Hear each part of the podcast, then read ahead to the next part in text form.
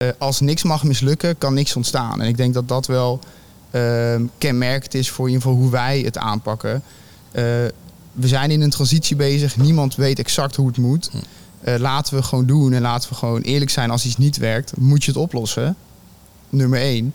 Maar laten we niet bang zijn om fouten te maken of zien dat iets niet goed werkt.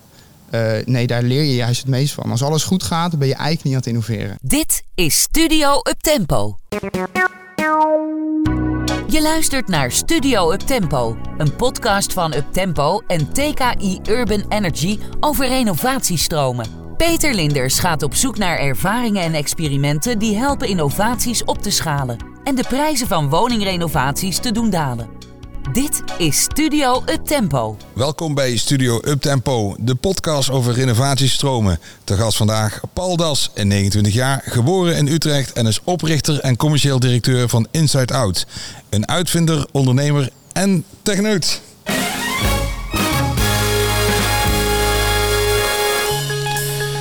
Welkom Paul. Dankjewel. Ja, we zitten nu in uh, Domix. Het is hier ochtend. En uh, ja, je hebt... Uh, wat te vertellen over Inside Out. Tenminste, ik, uh, ik wil er alles over weten. Inside Out, wie zijn dat? Wie zijn dat? Dat zijn uh, twee jonge ondernemers met uh, twee um, grotere ondernemers daarachter zitten. Die een passie hebben voor de verduurzaming, installatietechniek, bouwtechniek. En die gedreven zijn om impact te maken. Ja, wie zijn die twee jonge ondernemers? Dat zijn Paul en ik dus en Joris. En Joris van Heiligberg. Ja. En jullie werken met een team in Utrecht? Ja. En de, en de twee uh, senior ondernemers, uh, mogen die ook weten? Ja, dat zijn de gebroeders Bos van Bos Installatiewerk en Bos Daktechniek. Ja. Ik weet even niet hoe het gestart is. Ik weet wel dat je een scriptie hebt geschreven en die heette, ik heb hem vertaald, een Nederlands vrije vertaling, over renovatieconcepten dat een appartementgebouw met tien verdiepingen renoveert tot een energie-neutraal gebouw. Ja. Ja, en dat was, welk jaar was dat? Dat was zeven, zeven jaar geleden, denk ik, 2014. Ja. En um, dat was vanuit de studie bouwkunde nog, HBO bouwkunde op de Hogeschool Utrecht. En Joris en ik die um, hadden eigenlijk voor een artikel daarvoor hetzelfde onderwerp gekozen en daarbij gezegd van joh, misschien is het wel leuk om samen een onderzoek te doen. En zo hebben we dat aangekaart bij uh, de docent Rogier Laterveer. En die heeft ons gekoppeld eigenlijk aan het consortium dat toen werd opgericht. Dat was, uh, werd genaamd Inside Out op dat moment. Daar was Bos, uh, Bos Daktechniek en installatiewerk was daar eigenlijk penvoerder in. En zo zijn wij bij, uh, bij Rogier Bos terechtgekomen om dat onderzoek te starten. En dat was het start van het consortium. Twee Rogieren, Rogier Laterveer, die kennen we wel. En die had zoiets van, nou ja, goede scriptie, dit wordt interessant, daar moet je iets mee gaan doen ja, we zijn, we zijn theoretisch gaan kijken hoe, hoe krijgen we die, die seriematige hoogbouw flat 10 hoog energieleverend. Um, waarbij we voor onze scriptie destijds voor hebben gekeken naar hoe kunnen we nou uh, installatietechnische componenten integreren in eigenlijk die bouwkundige prefab elementen die heel erg opkwamen. Dus de HSB-gevels, uh, dat soort zaken. En door, denk ik, de, onze bouwkundige achtergrond en bij een installateur te gaan zitten hebben we in een, in een hele korte tijd heel veel kennis opgedaan over hoe die, hoe die integratie dan uh, zou kunnen. En dat zijn we theoretisch gaan toetsen. We, hebben, we zijn zelf vrij uh, houden van timmeren, om zo maar te zeggen. Dus we zijn zelf gewoon gaan knutselen. En daaruit kwamen, uh, op theoret, uit het theoretisch onderzoek kwamen gewoon wel mooie resultaten. En dat zijn we eigenlijk gaan doorzetten vanwege TKI, Urban Energy Subsidie, die daaronder lag ook voor het consortium. En we zijn eigenlijk in, in opdracht uh, van Bos zijn we toen doorgegaan met dat, uh, ja, het waarmaken van wat wij theoretisch uh, op hebben geschreven. Zijn jullie, jullie zijn knutselaars, zeg je net, maar ook rekenaars volgens mij? Ja, rekenaars en knutselaars. En dan zou je kunnen zeggen, ik ben, ik ben de rekenaar en Joris is ook de knutselaar. Dat komt ook denk ik voort als je kijkt naar... Ik heb een HAVO-achtergrond, ehm, hou van, hou, heb altijd van wiskunde gehouden, hou van rekenen. Joris een mbo-achtergrond, had dus veel meer praktijkervaring al. En dat, dat werkt gewoon goed samen. Ja, en dan uh, ga je starten, ook met een aantal uh, ervaren ondernemers uh, om je heen, een heel consortium. ja, dan moet je gaan ondernemen. en dan wordt het natuurlijk, natuurlijk weer anders. Ook wel weer een uitdaging, denk ik. Ja, ja en um, wat wel leuk was, is dat ik, heb, ik kom uit een ondernemersfamilie. En... Moet je iets hoger doen, de microfoon? Ja, tuurlijk. Ja, ja, dat is, kijk, nou hoor de luisteraars even dat we aan de microfoon draaien. Ik zie jou een beetje worstelen. Zo, zo sta je beter. Ja, zo een stuk beter. Ja. Wat rustiger. Um, ik kom uit een ondernemersfamilie en, en heb toen eigenlijk uh, na mijn, uh, of eigenlijk wij allebei na onze studie, um, toen wij ons HBO hadden afgerond, uh, is Joris meteen aan de TU Eindhoven begonnen. Ik moest nog een, een vak afmaken omdat ik destijds een huis heb verbouwd voor mezelf toen. En heb toen vrij recentelijk ook aangegeven aan Rogier van ik ik vind het heel leuk, maar ik ga ondernemen in de toekomst. Dus weet dat, dat, uh, dat mijn ambitie daar ligt. En we gaan nu gewoon verder op uh, met dit um, idee dat we hier hebben. En we zien wel waar het, waar het uitkomt. Was het tegen Rogier Latteveer of Rogier Bos? Ja, Rogier Bos. ja. Rogier Bos. En ik denk dat hij dat altijd wel gewaardeerd heeft. Ja. Die oprechtheid en die, die drive. En ik denk dat dat ook deels te maken heeft met het... Um, het succes van een, een jonge start-up of van iets innovatiefs heb je gewoon uh, ondernemerschap nodig. En dat zit, in, uh, dat zit in Joris en mij en dat zit zeker ook in Rogier. Die ja. ons gewoon uh, de vrijheid geeft en, en heeft gegeven om daarin te experimenteren en veel te leren. Ja, dus dat was leren, experimenteren, een scriptie schrijven, rekenen en toen in het echi. En, en dat, toen in het echt, ja. Ja, uh, jullie hebben gerenoveerd een uh, flat in Utrecht. Oftewel de Henriette Dreef in Utrecht Overvecht. Ja. hoe is dat ontstaan? Dus, nou, we zijn, we zijn toen um, vanuit onze scriptie eigenlijk een, een proof of principle gaan doen bij een lab. Bij het lab van de Universiteit Utrecht en Hogeschool Utrecht. Ja. Um, dus ook met gewoon vakexperts en docenten en professoren zijn we dat gaan toetsen. Daar kwamen goede resultaten uit. Zijn we een nieuwe um, subsidieronde ingegaan bij TKI. Uh, voor proof of concept. Daar zijn we een proefwoning gaan bouwen. Toen heeft uh, Rogier Bos ons ook weer uitgedaagd. te zeggen, ik wil, ik wil het moeilijkste uh, linksboven in de hoek wil ik maken. Maken we die nul op de meter. Kijken hoe dat dan presteert. Met die integrale technieken die we hebben ontwikkeld. En zo zijn we die woning gaan maken. Dat is weer een jaar lang gemonitord weer met, met die universiteiten. En daar ook weer goede resultaten uit. En toen is de bal gewoon gaan rollen met, uh, met woningcorporatie Boex. Om te zeggen, we gaan gewoon deze flat aanpakken. Ja. En dat ambitieniveau werd eigenlijk gedurende dat hele traject steeds hoger. Dus het was eerst 0 op de meter. En op een gegeven moment zeiden we, we willen gewoon uh, 10 tot 20 procent overschot uh, halen. En we willen een uh, hub worden. Die is interessant. een hub worden zeg je, een ja. energiehub. nou hebben we het gehad over wie en over hoe. Maar wat dan precies? Wat, wat, wat gebeurt er dan met die, met die aanpak, als je het over een aanpak hebt? Nou, Um, in die tijd, we, we waren heel erg gefocust op, oké, hoe krijgen we hem uh, technisch haalbaar en ook um, hoe krijgen we hem ook gewoon energie-neutraal of energieleverend eigenlijk. En hoe gaan we dan met die, met die uh, overtollige energie om? En daaruit is een soort renovatieconcept uh, ontstaan met een aantal componenten, geveldelen, dakdelen, een, een zonnepergola, we noemen het nu een solar module um, een klimaatsysteem, een aardgasvrij klimaatsysteem. En al die componenten bij elkaar heeft geleid tot een energieleverende flat. Dat was lekker knutselen voor Joris. was heel veel knutselen, ja. En, uh, en de werkelijkheid, als je kijkt naar het traject ook, en dat maakt het altijd wel, uh, wel wat leuk is. We zijn begonnen natuurlijk vanuit een bouwkundeopleiding. En we zijn zo gewoon heel erg um, door de jaren heen gewoon dat traject doorlopen. Van oké, okay, bouwkundig hadden we hem op een gegeven moment, toen zijn we installatietechnisch gaan kijken. Toen zijn we naar het verwarmingssysteem gaan kijken, zijn we daar heel aan gaan rekenen. Hebben we dat eigenlijk onszelf aangeleerd. Oké, hoe, hoe gaat dat dan? Waar moet je rekening mee houden? Hoe werkt dat met transmissieverliezen? Hoe kan je draaien aan aanvoertemperaturen en buffervaten om, om extra capaciteit op te stellen, om onder die netcapaciteit te komen? Want toen dachten we, we hebben het installatiesysteem nu eh, staan. Kom je bij een, eigenlijk bij de E-aanvraag. Hey, hadden we daarvoor nog nooit over nagedacht. De E-aanvraag? Ja, de, de, de meterkast, zeg maar. Gewoon je, je netverzwaring, uh, beperkingen daarop, uh, netcongestie. En dan praat je natuurlijk ook al vijf, zes jaar geleden. Was dat misschien wel actueel, maar voor ons in onze, in onze bubbel, uh, die flat was onze bubbel, was dat nog niet actueel totdat dat kwam. Nou, toen zijn we aan tafel gekomen met een iWell zijn we daaraan gerekend. Dus we hebben al die stappen gewoon continu. IWell was een, een, is een reken eh, batterijleverancier. Batterijleverancier, ja. Die ons dan helpt die pieken op te vangen. Oh, op die manier, ja. Um, ja, goed, en nu, uh, we beschrijven het. Uh, mensen zijn aan het luisteren. Die hebben zoiets van, ja, maar hoe ziet dat er dan uit? die Henriette dreef een flat van 10 hoog, dacht ik. Ja, 10 hoog. En je zei gevel, dak en installaties. Als je aankomt lopen, wat zie je dan? Nou, je ziet een, je ziet een gebouw met heel veel zonnepanelen. En zie je de zonnepanelen ook? Niet allemaal. Dus we zitten ehm, je hebt natuurlijk eh, restricties vanuit welstand. En um, daar zijn ook nog de enige dingen in, uh, in gegaan waarbij um, je ziet een hele grote kroon op die flat staan bijvoorbeeld. En Een, een soort optop. eh, op top Ja. met zonnepanelen aan de, aan de randen en zonnepanelen op het dak.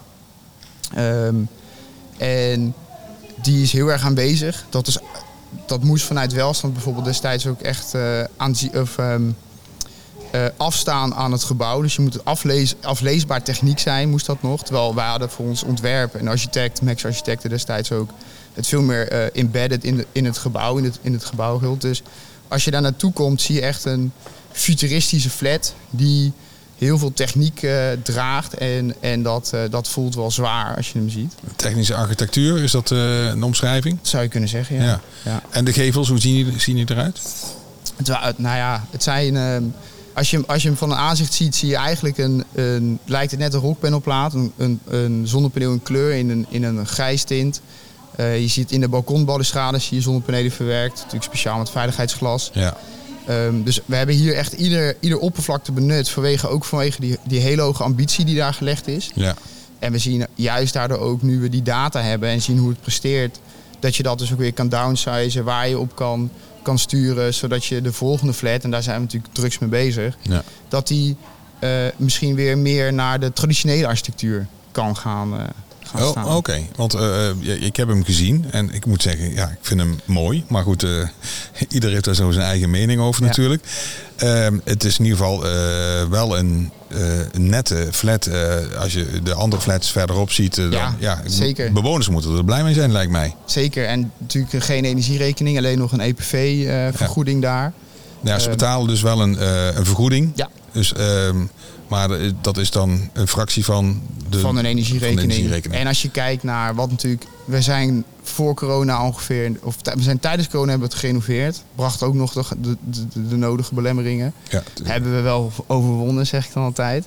En ehm, als je kijkt naar heel Overvecht, is dit de enige flat die niet is eh, geraakt door de energiecrisis die is ontstaan. Oh, dus eh, mensen eh, eh, pochen ook eh, tijdens eh, feestjes van nou, we hebben het eh, Dat denk ik beter wel, van ja. elkaar, sorry. Ja, dat denk ik wel, ja. Maar hoe nam je die bewoners mee?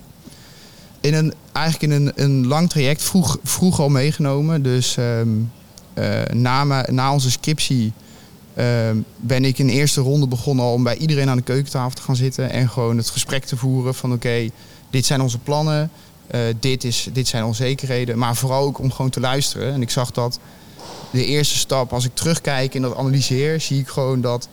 En dat heeft gewerkt, is gewoon vertrouwen winnen. Dus gewoon daar zijn, luisteren ehm, horen waar bewoners mee zitten. En dat zijn eh, kleine dingen als. ehm, en er werd heel vroeg aangekaart van Paul, ik, ik, ik ben een vrouw van 86 en ik woon alleen. Ik heb, niet, eh, ik heb geen kinderen. Ehm, ik kan mijn gordijnrails niet meer weghalen. Mm. Weet je wel, dat zijn de zorgen. En niet ehm, letterlijk gezegd tegen mij, ik geloof wat jullie doen en dat is heel goed. Maar daar zit mijn zorg. Is dat eh, zeg maar dat inventariseren, dat gesprek voeren met bewoners, is dat een onderdeel geworden van jullie concept? Wel van onze aanpak. ja. Aanpak, ja. Ja, en, ja. eh, want het valt niet mee, hè, zoveel keukentafelgesprekken. Maar is dat vooral om nu te leren, zeg maar, in die eerste fase? Nou, het is, wij zijn het gaan doen vanuit gewoon eh, intrinsieke eh, motivatie. En denk ik het eigenlijk door gebrek aan ervaring gewoon gedacht, dit is hoe dat zou gaan. Of als ik hier zelf zou wonen, zou ik dat ook prettig vinden. En ehm, voor ons natuurlijk in, in de opschalingsfactor kunnen wij of kan ik zelf dat gesprek natuurlijk niet overal gaan voeren.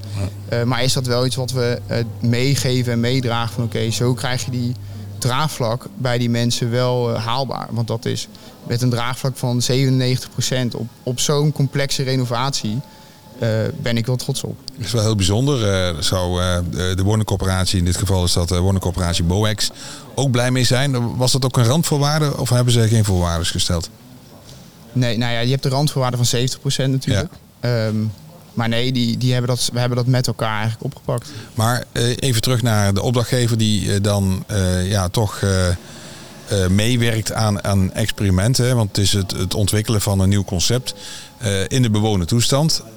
Ja, kwamen de handen gelijk op elkaar. Wie had je weer nodig zeg maar, om een stap te maken? Wie, wie was getriggerd bij de corporatie? We hadden het, het is ontstaan vanuit ehm, twee projectmanagers eh, die ook een goede relatie hadden ook met Bos Installatiewerk. Dus je had Spencer Scholz en André van Leeuwen die zaten op dat project en die eh, hebben een sterke visie. Hm. En die hebben dat eh, eigenlijk denk ik binnen, binnen Box gewoon handen en voeten gegeven. En met de stimulans van een subsidie om die onrabele top, zeker in de onderzoeksfase op te vangen, helpt daarbij heel erg. Ehm, Ja. Naar de contractvorming toe heeft het wel eh, enige tijd geduurd om goed dat goed neer te leggen. Dus we hebben een prestatiecontract afgesloten, waarbij Ja. we ook zeggen van joh, we willen prestaties met jullie afspreken, zodat wij ook de vrijheid hebben om te fine-tunen in dit ontwerp. Als wij heel vastleggen wat voor ventilatiesysteem erin komt, dan moet je dus ook weer continu met elkaar om de tafel, mocht dat in de toekomst ooit veranderen. Ehm, maar ja, zo'n nieuw stukje contractvorming, dat heeft ook tijd nodig om dat met elkaar goed eh, in een goede vertrouwen uiteindelijk te kunnen tekenen. Maar dat is ook gewoon gelukt. Het was een organisch proces. Ja, En op welk moment dacht je van nou, eh, ja, dit is natuurlijk wel heel wat, wa- wa- wat we aan het doen zijn. Eh, in de toekomst moeten we het eh, misschien wel een beetje anders aanpakken. ja. Dus nou ja, nadat we het project hadden, nadat we klaar waren. Oh, dat was op het einde. Ja, ja. Nou, ja want toen, we- tijdens, de, tijdens het project hebben we één focus gehad. Dat was het project realiseren. Dus daar zie je ook dat eh, tijdens het project Joris en ik als uitvoerder, projectleider, eigenlijk gezamenlijk gewoon daar het aanspreekpunt waren. En ik denk dat dat geholpen heeft in het succes. Omdat we natuurlijk gewoon overal van alles eh, afwisten. Dus je hebt het risico van informatieoverdracht eh, beperkt. Omdat we zelf dat hele traject door hebben gelopen. Ehm, maar nadat we klaar waren, zagen we wel oké, we hebben iets heel moois opgeleverd. En we zijn, we zijn gevraagd vanuit veel kanten. Maar we zagen ook dat het lastig was om zoiets groots nou in de markt te zetten. Ehm, we, zijn een we zijn gevraagd om met gemeente Utrecht in een subsidieaanvraag in te schrijven voor eh, een Europese subsidie voor de doorontwikkeling van ons concept. Ja, de subsidie is voor de doorontwikkeling. Ja. ja. Voor de doorontwikkeling, dus echt om, om eigenlijk te zorgen dat de lessons learned, die natuurlijk eigenlijk de meeste komen na die renovatie. eh, we hadden een waslijst van dingen die we anders zouden doen. Ehm, maar daar moet je natuurlijk wel budget voor hebben om dat te doen. En dat budget kan komen vanuit het project of dat budget kan komen uit subsidie. En de renovatie van hoogbouwflats geeft hele lange besluitvorming eh, en voor, voortijd nodig. Dus dat budget was daar niet direct. Dus dat was een mooie kans. En eh, van 1500 inschrijvingen waren er 115 consortia met 6 tot 8 steden Europa breed die ehm, voor ons onderdeel eigenlijk in hadden geschreven. Daarvan zijn er drie toegekend, waarin, waaronder het, het Utrechtse consortium genaamd ARV, ARV. En daar heeft de Europese Commissie ons benoemd als, in, als inside-out als meest commercieel kansrijk voor opschaling. En toen dachten we, oké, we hebben iets in handen, maar hoe krijgen we dit nou goed in de markt? En toen zijn we... Oh, wacht even. Eh, eh, ja, eh, hou even vast. Ja, Heel even terug naar die pilot. Want eh, ja, bewoners tevreden, BOEX tevreden, jullie tevreden. Resultaten waren die ook zoals beloofd. ja. Ja, dus alle eigenaren van flats die stonden natuurlijk in de rij. stonden, stonden in de rij. Nou, dat viel, dat viel vies tegen. Maar die waren er wel. Ehm, maar liepen we wel op barrières zoals... ehm, nou, er was een woningcorporatie eh, in, in Overvecht met dezelfde flattypologie. Ja. Die, die langs geweest is, meegenomen, enthousiast waren. En eh, alleen de, eh, de flats waren eigenlijk al in een intentieovereenkomst eh, getekend. Ja. Zat al in een trein Een andere partij. een andere partij, een, grotere, een grote aannemer. En dan zie je dat daar, eh, om daar dan in te komen, dat dat heel moeilijk lijkt. Oké, je hebt eh, een systeemprobleem dan Ja. eh, in de keten, Ja. waarschijnlijk. Maar helpt dan zo'n ARF, dus zo'n Europees project, als ze zeggen van nou ja, dit is toch wel een heel kansrijk project. Zeggen alle deskundigen uit Europa. Nou, dat is nogal wat. Ja, zeker. Nou ja, dat, dat helpt ons. En dat helpt wel op, op een, een hoger niveau, zie je dat. Maar uiteindelijk zie je in, op de korte termijn moet je proberen in te haken in lopende trajecten. En dan zit je toch bij de, de projectleider, de uitvoerder, die daar eigenlijk de, de beslissingen neemt. Ja, en die, die heeft daar geen oor naar. En dat Nee. snap ik ook. Die heeft een project te realiseren en die heeft een budget waar die in moet blijven. En Ehm, soms, soms ligt er al een planvorming van een aantal jaar. Eh, dat is wel moeilijk genoeg in deze tijd om daar binnen te blijven met alle fluctuaties van prijs en dergelijke. Ja, als je dan ook nog eens met een complex innovatie daarin moet komen, ehm, snap ik dat dat voor, voor dat soort eh, projectleiders of uitvoerders, dat, dat, ik zou daar zelf misschien ook wel zo op reageren. Maar je hebt ervaren eh, hoe moeilijk het is om een eh, behoorlijke, omvangrijke innovatie te introduceren in de bewoonde toestand. Ja. Ook in een, bewoonde, of in een bestaande flow van besluitvorming. Ja, Ehm, als je kijkt naar opschaling in feite. Ja, goed, je bent er al naar aan het kijken. Uh, wat moet er dan veranderen, zeg maar, als het gaat over besluitvorming? Wat, wat, wat, hoe moeten eigenaren van, van dergelijke flats, dus uh, raad van bestuur of uh, directeur, bestuurders, anders kijken Kijk. naar hun besluiten? Nou, ik, ik heb hier wel vaak over nagedacht en ik zie wat ik zie en um, ik denk dat daar, dat daar het al moet veranderen is. Um, als je kijkt naar de F1 bijvoorbeeld, dan heb je de, de, de jongens. De F.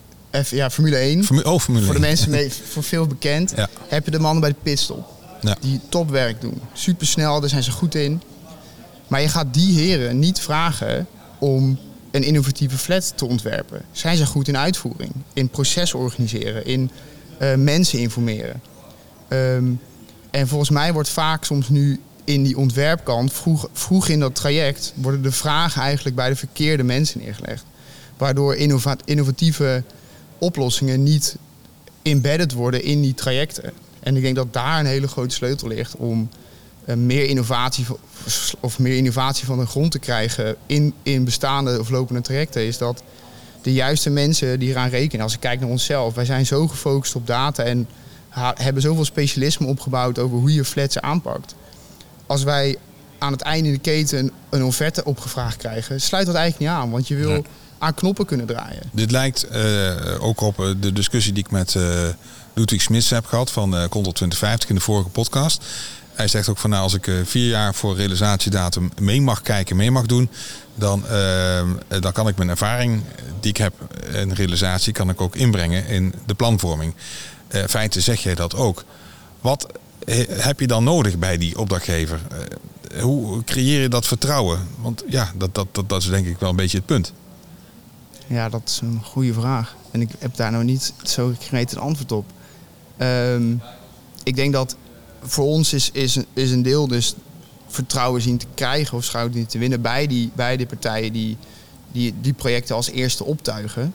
Um, het lastige daarvan ook weer is, is dat je um, vier jaar voordat een eigenlijk uitgevoerd wordt, uh, dat komt, en je innovatie uh, doorontwikkeling die moet veel sneller gaan. Dus um, je, je moet op een of andere manier is voor onze opgave om in beide trajecten zien te komen. Dus en hoe, hoe kunnen we nu impact maken op de korte termijn binnen bestaande trajecten. Uh, en misschien is die impact beperkter dan als je er vroegtijdig bij was geweest. Uh, en tegelijkertijd wil je zien te kijken hoe kun ik nou mijn impact zo groot mogelijk maken door vroegtijdig al aan te haken en mee te kijken. In ik bouwteam. Je, ik, ja, ik, inderdaad. Ja, ik heb je al een keer eerder gesproken en toen zei je van ja, misschien moet ik dat gaan ontkoppelen.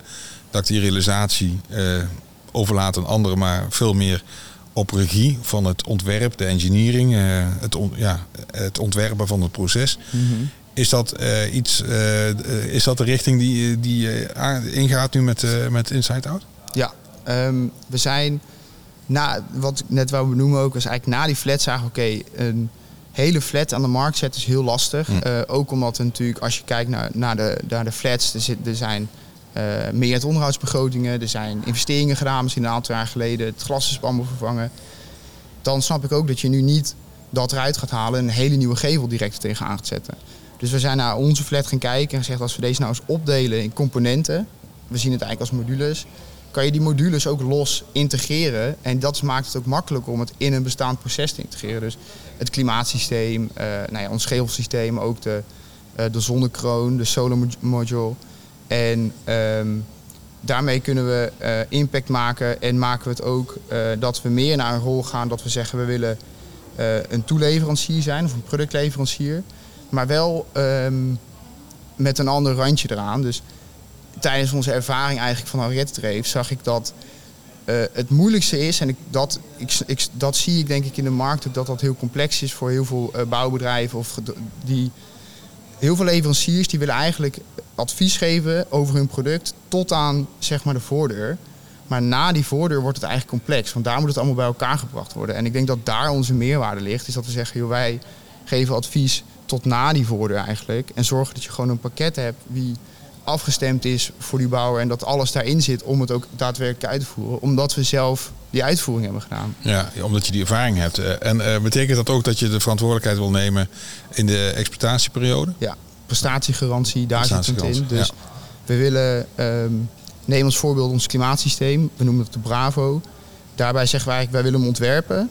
Ehm, wij leveren hem aan de vaste ketenpartner van die, van die uh, woningcorporatie als voorbeeld. Zij monteren, zij plaatsen. Zij doen ook het onderhoud, maar wij willen de data. Dus wij beheren het systeem, wij halen de data op. Daarmee kunnen we ook zien of een systeem wel of niet goed werkt. Op afstand kunnen wij knoppen gaan draaien en daar ligt ook onze meerwaarde. Want die installateur, die moet projecten uitvoeren. Die is, die is daar goed in en die moet zorgen dat we daadwerkelijk die, die opschaling uitvoerbaar krijgen. Ja. En laat ons dan naar die systemen kijken en kijken, hey, wat werkt er nou wel goed en wat werkt er nou niet goed. Ja, dan spreek je dezelfde taal met, uh, met, met jouw partner uh, Bos uh, Installatietechniek. Maar ja, zo'n andere installateur, hoe gaat zo'n gesprek? allemaal enthousiast en zeggen ze, ik begrijp je, we gaan aan de slag? Nee, nou, nee, de eerste, de eerste reactie is vaak om, om het klimaatsysteem te pakken is van ja, wij kunnen ook wel wat warmtepomp in een container douwen en dan schuiven. En dan zeg je, ja, maar dat, dat is dus net die essentie op projectniveau ga je, ga je steeds weer opnieuw een plan maken en ga je naar kijken. Uh, er moet weer een regeling aangeschreven eh, worden. Terwijl als wij dat nou standaardiseren, kunnen we veel beter kijken, okay, werken de regelingen? En um, kunnen wij, wij kijken in die zin dan ook veel meer naar de toekomst. Oké, er is een veranderende energiemarkt, solderen gaat wegvallen. Hoe gaan we nou zorgen dat het energiesysteem wat we ontwikkelen daarop voorbereid gaat, gaat zijn? Dus hoe kan je nou zorgen dat het systeem die er staat um, uh, op de juiste momenten stroom gaat afnemen. Uh, wellicht door juist misschien een grotere buffer op te slaan, kan ik die, die, die piek overbruggen van uh, s'avonds douchen en overdag wil je die stroom eigenlijk gebruiken. Um, en als je het, systeem, het, het klimaatsysteem meer standaardiseert, kan je daar goed op sturen. in plaats van voor elke flat of elke weer iets nieuws ontwikkelen. Jazeker, de installateur kan ook warmtepompen vanuit een transmissieverlies bepalen en op het dak zetten. Uh, maar het gaat verder dan dat. En daar ligt onze meerwaarde. Als je naar de techniek kijkt, hè, want ik, ik, ik ben wel eens op dat dak geweest, Henriette Dreef. Uh, uh, gaat het er naartoe dus dat het een energiesysteem wordt voor de meter? Dus ja, is dat, is dat de toekomst? Ja, wij zien wat we, wat, wat we eigenlijk zien. Wij geloven dat hoogbouwflats of flats en ook kantoren een oplossing zijn voor de energietransitie. En hoe, zien, wat, hoe, hoe denken wij dat? Is door de gebouwen te activeren en onderdeel te maken van het energienetwerk. Dat kan je doen omdat een flat aan de ene kant een, een mooie demografie heeft, dat het heel veel woningen bezit, weinig verliesoppervlak. Daarnaast, als je een aantal uh, onderdelen bekijkt, waar wij onder zeggen is bijvoorbeeld als je zorgt dat je collectief eigenlijk een soort tapwater organiseert, kan alsnog met een, met een afleverset of iets in de woning. Maar als je collectief dat water hebt, kan je daarop sturen. Een soort warmtenetje? Soort warmtenetje. Kan je op dat dak kan je eigenlijk een buffer creëren, een thermische buffer, elektrische buffer. En kan je dus uh, gaan balanceren, ook voor dat net. En als je dan meerdere van die hubs hebt, kan je ook een betekenis zijn om die, om die pieken overdag op te vangen. En als je, dan, als je dan overdag dat warmte eigenlijk in die waterbuffer stopt, kan dat s'avonds terug de, terug de flat in als douchewater, als verwarming. Dat is wel heel innovatief wat je nu zegt. Want uh, als je zo'n netwerk creëert van gebouwen, is waarbij je uh, echt een impact kan maken op uh, uh, het, het, balanceren van, van het net. Netcongestie.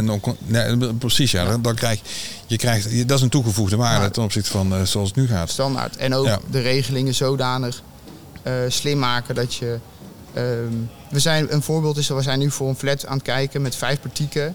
Die heeft één, er zijn 65 woningen, die heeft één keer 3 keer 80 ampère aansluiting. Kan eigenlijk niet zwaarder. Hm als je hem gewoon uitrekent, dan zegt de computer says no, kan eigenlijk niet hierop aansluiten. Maar als je dus met buffers zou spelen en je zou die, uh, je zorgt dat die vijf, als je zegt het zijn vijf partieken, boven elke partiek een, een, eigen installatie voor die 13 woningen eronder. En die communiceren met elkaar en die balanceren dat ze niet boven die 3 keer 80 gaan komen, hm. dan kan het opeens wel. Ja, en sterker nog, wij, ik, spreek, ik spreek met een IBO of hier, dat wij eigenlijk zeggen, geef ons nou een grotere netaansluiting niet omdat we willen trekken, maar omdat we dan kunnen opladen zodat als die piek er is en er, is, er, is, er moet afgenomen worden, kunnen wij dat voor jullie voorzien. Ik zal even weer uh, laten landen, want ik snap hem. Maar goed, er zijn misschien luisteraars die zoiets hebben van, oh, oké. Maar goed, dat, dat, dat, daar moeten ze nog even over nadenken. Of kunnen ze daar uh, nog wat meer over, over te weten komen. Even bellen. Um, dit is de podcast van Studio Uptempo. Het gaat over innovatiestromen. Mijn gast is, uh, mijn gast is uh, Paul Das van Inside Out. Uh, Paul, um, als het gaat over de opschaalbaarheid, je hebt het er al even over gehad. Hoeveel van zulke flats zijn er in het land? Dit zijn de zogenaamde systeemflats waar we het over hebben? Ja, dus onze ehm, focus zeker op het, op het, het totale eh, pakket eigenlijk die we aanbieden... is wel echt gefocust op naoorlogse seriematige flats. Ehm, omdat we daar een grote impact op kunnen maken. We zien natuurlijk dat die zijn vanuit een seriematigheid gebouwd. Dus daar kan je ook op seriematigheid op renoveren. Dat is eigenlijk onze filosofie. Ehm, en dan kan je dus standaardiseren en kan je dus industrialiseren. Dat doen we in samenwerking met partners als RC-panels. Daar ontwikkelen we binnen dat ARF-subsidieproject wat ik net benoemde... ontwikkelen we samen eigenlijk de nieuwe gevel... waarin we installatietechniek al in verwerken... waar we eh, ventilatie, verwarming, maar ook PV-panelen al in de gevels verwerken. Zodat we als een jas eigenlijk niet meer in die woning hoeven. Een hele nieuwe schilder omheen zetten waar het installatiesysteem eigenlijk al in verwerkt zit. En vervolgens die klimaatmodule die je op het dak zet, sluit je aan en je hebt een, een, nieuwe woning eigenlijk. Dit zijn de zogenaamde MUI-flats, eh, Dura Cognet, eh, Interfam, Interfam. En ehm, zijn er veel van? heel veel Ja. in, eh, in Nederland. Va- ja, meer dan 500.000 woningen. Ja, ik weet dat in de Duco-flats, eh, op zo'n Mhm. systeemflat, dat die veel zijn aangepakt naar label B. En zelfs dan eh, is het nog interessant om, eh, om een aanpak te doen? Ja, en al, al is het alleen een component van die aanpak. Dus misschien is daar, de, het, misschien is daar de, de volgende stap is nog wel een, een aardgasvrij klimaatsysteem. Stel, er ligt geen warmtenet, hebben we een goed alternatief. Ehm, en of misschien moet het, moet het opwekken omhoog. Kan je, kan je kijken naar die balkonbalustrade die we hebben ontwikkeld. Voordeel van balkons, die liggen vaak op het zuiden. Dat is ook het fijnst. Ja, dat zijn allemaal eh, locaties die je kan activeren om dat gebouw een onderdeel te maken van het energienetwerk. Ja, het zijn allemaal no-regret eh, oplossingen die bij elkaar een totale oplossing maken. Ja. Ehm, Oké, die is helder. Eh, aantallen hebben we net over gehad. Ehm, opschalen hebben we het over gehad. Nu gaan we even naar het, het kopje, oftewel het onderdeel van wat heb je geleerd en wat kan je overdragen naar eh, andere ondernemers zeg maar, die hiermee bezig zijn. Wat heb je geleerd, Paul? Nou, van, eh, van de renovatie van ja, ja, van dit proces. Van, oh, dat, dat, eh, dat, dat was een Mm. tegenvallen. Dat is ook. Nou, wat ik, wat ik geleerd heb is, en dat vooral ook geleerd van eh, Rogier Bos, is gewoon gaan. Is gewoon doen. Niet, niet, je hoeft niet alles van voren te weten als je daar transparant over bent. Maar zorg gewoon dat er vooruitgang blijft gaan. En als je ehm, eh, eh, iets wat ik zag, dat zag ik op een billboard van omdenken. Toen ik op de A16 van Rotterdam naar huis reed een keer. Daar stond, eh, als niks mag mislukken, kan niks ontstaan. En ik denk dat dat wel ehm, kenmerkend is voor in ieder geval hoe wij het aanpakken. We zijn in een transitie bezig. Niemand weet exact hoe het moet. Eh, laten we gewoon doen en laten we gewoon eerlijk zijn. Als iets niet werkt, moet je het oplossen. Nummer één. Maar laten we niet bang zijn om fouten te maken of zien dat iets niet goed werkt. Eh, nee, daar leer je juist het meest van. Als alles goed gaat, dan ben je eigenlijk niet aan het innoveren. ja, dus als je innovatief aan de slag wil gaan, je mag fouten maken. ehm, als je er maar van leert.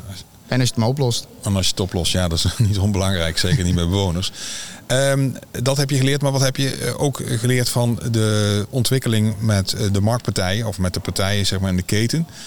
Ehm, ja, wat is, waar ben je verbaasd over? Van als je toch nog even terugkijkt, hè, je bent ook zo vanuit eh, school, zeg maar, vanuit je opleiding ben je, eh, ben je erin gestapt. Waar, waar ben je echt verbaasd over? Wat heb jij geleerd?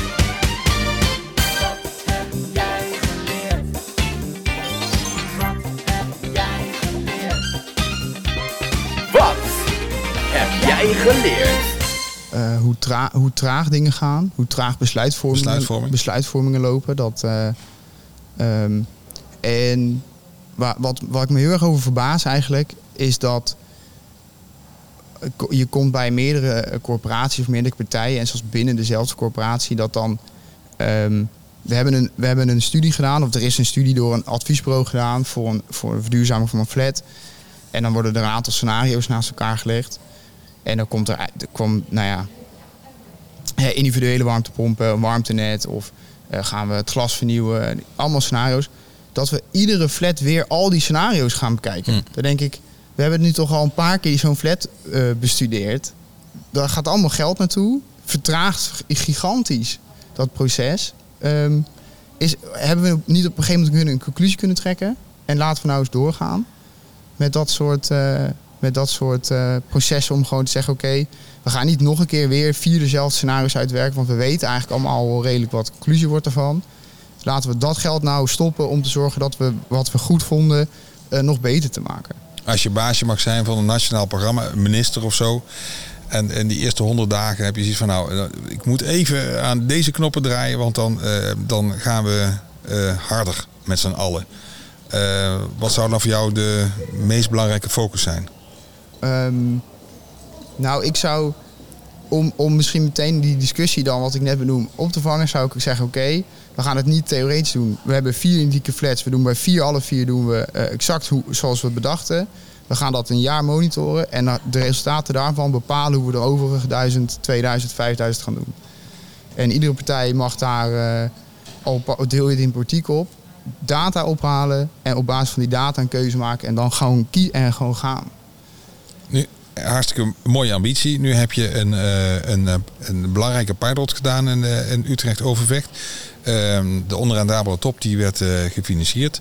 Ehm, je zegt ook op de website, ja, dit, dit gaan wij doen zonder subsidie. Ja. Hoe ziet dat eruit dan, zeg maar, die prijsontwikkeling? Goed, dus we zien dat we natuurlijk vanuit die leringen heel veel reductie hebben kunnen halen. We, zijn, ehm, we focussen ons heel erg op het, het dematerialiseren, als dat een goede eh, terminologie is, van, van dit soort trajecten. Dus hebben we focus op flats, eh, niet naar individuele systemen, want dat kost allemaal veel geld. Er is heel veel onnodig materiaal wat er dan in gaat. Daarmee maken we die kostprijs een stuk lager. Ehm, en we zien dat eh, nu ook met onze eh, trajecten dat we bijvoorbeeld eh, EPV's kunnen gaan inwinnen. Dus als je kijkt naar, als je puur kijkt naar initiële investering, is het duurder. Als je gaat kijken toch naar langere termijn, eh, wordt het goedkoper. En daar ligt onze eh, focus ook heel erg op. Dus we zijn nu bezig met een binnen eh, voor, voor de flat die we doen binnen het ARF-traject, zijn we eigenlijk aan het kijken, joh. We hebben een exploitatietijd van 50 jaar. Wat als we die, het vervangingsmoment van de, de warmtepomp voor 15 jaar kunnen uitzetten naar 25 jaar. Dus welke componenten moeten er dan eigenlijk vervangen worden? En dan gaan we gewoon met die leverancier zitten. Wees nou eens transparant, wat wordt dat nou? En als je het niet zeker weet, is dat ook een antwoord. Maar dan kunnen we in ieder geval een prognose gaan doen. Want hoe krijgen we nou van 15 naar 25? Want als we dat eh, kunnen, als we die verschuiving kunnen maken en met een kleine investering, ehm haal je gewoon een vervangingsmoment eruit en wordt die op de exploitatietijd veel interessanter. Voor Wordt het ook aantrekkelijker eh, voor de IR, oftewel de, het rendement van de, van de wo- woningcorporatie? Ja. Ja. Want Ik denk dat de meeste woningcorporaties nu worstelen in die verduurzamingsopgave, dat die exploitatiekosten zo eh, hoog worden. En die exploitatiekosten zijn denk ik deels ook hoog, omdat mensen het niet zeker weten. Maar als je daar ook transparant over bent, kan je gewoon prognoses in doen en we gaan kijken hoe, hoe we goed gaan krijgen. Je kan mij niet vertellen dat een ventilator die 30, 40 jaar geleden over zeiden dat die 15 jaar meeging, dat we nu 50 jaar later nog steeds maar 15 jaar zo'n ventilator kunnen laten draaien. Dus die omhulsel waar die in zit, die is echt nog wel goed. En als we zeggen tegen de leveranciers, deze ventilator blijft hier 50 jaar in, welke componenten eh, moeten er vervangen? Want die plastic omhulsel, die is niet stuk. Nee. Het is misschien dat vennetje. Ik kan me voorstellen dat je ook nog gepest wordt met, eh, ja, maar je, je ehm, brengt heel veel ma- nieuwe materialen in, zeg maar, bij zo'n renovatie. Eh, hoe biobased of circulair zijn die materialen die je inbrengt? Is dat ook een vraagstuk? Nou ja, gepest zeg ik maar. Ja, dat is veel gepest. Nee, Ehm, we krijgen vooral die vraag, we krijgen die vraag eigenlijk niet uit de markt. Ehm, de markt is daar nog niet echt mee bezig. Vooral vanuit ehm, de subsidietrajecten waar we, waar we ons op inschrijven, speelt dit een belangrijke rol. En proberen we daarop in te spelen. En wat ik zie, wij, we, we, werken, we werken vanuit strategische samenwerkingen. Dus Ehm, als wij alles zouden willen doen van die flat is onmogelijk. Dus we zoeken daar echt goede partijen bij. Eh, zoals ik zeg voor Gevelspot en RC-panels. Die daar echt wel grote ontwikkelingen op doormaken. Ehm, en voor onszelf zien we bijvoorbeeld ehm, ja, leidingwerk. ehm, is gewoon heel moeilijk om dat volgens mij bij OB's te maken. Dus het zijn... het zit hem vooral op eigenlijk de componenten die, die we met onze partners eh, zetten, waar we de grote kans in zien en die we in de subsidietrajecten nu echt aan het verkennen zijn. Maar vanuit de markt komt die vraag toch niet. En dan je, je prijs jezelf ook de markt uit. Dat is het gevaar. Ja, ook wel spannend zeg maar om eh, daar nu al mee bezig te zijn. Dus we kijken heel even naar de toekomst. We gaan even vijf jaar verder. We zitten nu t- eh, 2023, hè? Drie- eh, 2028, zeg maar 2030. En we kijken weer terug naar eh, die vijf jaar eh, waar jij dan met Inside Out en je, en je compagnon en je partners mee bezig bent geweest. Ehm, waar kijk je dan op terug in 2030? Even ingewikkeld, hè? Dus even Ja. 2030 en je kijkt terug. Ik sta in 2030 en ik kijk terug op een, denk ik op een onderneming die ehm, geprofessionaliseerd is, volwassen is geworden. eh, sterk is geworden, nog sterker is geworden in wat hij doet. Misschien nog wel een eh, duidelijkere visie heeft voor, voor zichzelf. Dus we- dat we nog iets meer kaderen, zodat we meer vaart kunnen maken en daarmee onze impact kunnen vergroten op die, op die energietransitie. En een bedrijf die vooral ehm, toereikend is aan de, aan de huidige markt om, eh, om hun te ondersteunen en te helpen om die transitie haalbaar te maken. En als je dan persoonlijk moet zeggen, Paul Das van Inside Out, waar ben je dan blij van geworden? Waar ben ik dan blij van geworden? Ik ben blij geworden van eh, een onderneming met mensen, met enthousiasme. Ik zie dat, eh, ik vind dat wat mij het meeste energie geeft, is de samenwerkingen die we hebben met hogescholen. De jonge studenten die bij ons komen, die afstuderen, die eh, met volle zin eigenlijk kijken naar die opgave en denken wij gaan dit klusje klaren. En dat, ik denk dat die, als die organisatie gegroeid is en ik zie allemaal enthousiastelingen die zeggen wij gaan dit oplossen, daar word ik heel blij van. Nou, we hebben behoorlijk zitten kletsen. Dus, eh, en ehm, ja, goed, ik denk dat we nog wel meer dingen eh, met je kunnen bespreken. Ook eh, over de volgende stappen, maar we kunnen je ook volgen. Jullie website is www inside-out.tech. ja, insight-out.tech. Ik dank jou, Paul, voor deze podcast, dat je mijn gast wilde zijn. En ik bedank ook iedereen voor het luisteren. Volg de andere podcasts in deze serie via jouw favoriete podcast-app of Google op eh, Studio Uptempo. Dan kom je er ook wel. Ik dank natuurlijk eh, TKI, Urban Energy en Duurzaam Gebouwd voor het eh, hosten van deze podcast. Tot de volgende keer. De podcast van Studio Up Tempo is mogelijk gemaakt door de samenwerking tussen TKI Urban Energy, Platform Duurzaam Gebouwd en de innovatiehub Dome X. Volg alle afleveringen in jouw favoriete podcast-app.